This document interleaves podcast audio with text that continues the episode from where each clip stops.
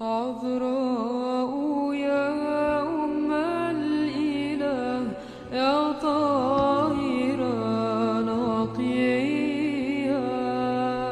La det forgjengelige lys fra din åpenbaring skinne i våre hjerter, o menneskekjære Herre.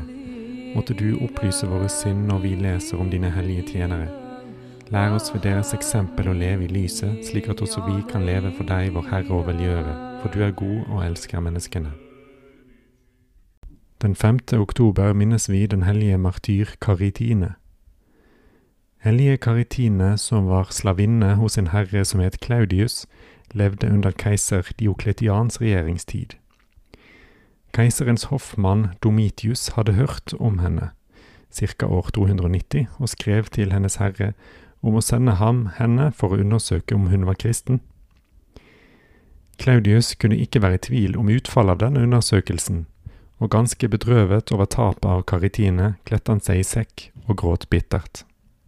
Men Karitine, som var full av Herrens disiplers glade forvisning, trøstet ham og sa, Min Herre, gled deg i stedet for å være bedrøvet, for jeg vil bli ofret som et offer velbehagelig for Gud, for mine synder og for dine.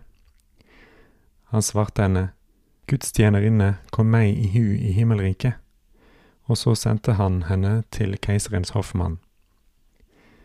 Stilt for konsuldomstolen lot den unge jenten seg ikke påvirke og bekjente dristig Kristus. For å velde, volde henne skade raket man håret hennes av, og utsatte henne for ulike former for tortur.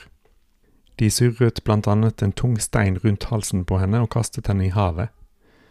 Men hun ble underfullt utfridd og viste seg igjen for hoffmannen for å bevise for han at de kristnes tro er sterkere enn alle de pinslene han kunne oppfinne. Etter å ha latt henne lide nye kvaler, besluttet man å krenke henne ved å utlevere henne til et horehus. Men Den hellige ba til Herren om at han måtte skjerme henne for denne prøvelsen, og oppgav sin ånd til Gud. Hennes hellige jordiske levninger ble kastet i havet, men de skyllet underfullt opp på stranden. Claudius, hennes herre, fikk tak i dem og begravde dem med andakt. Avro.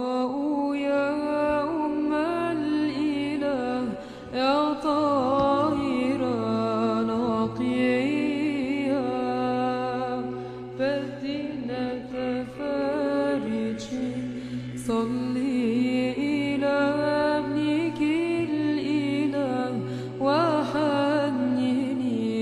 عليه.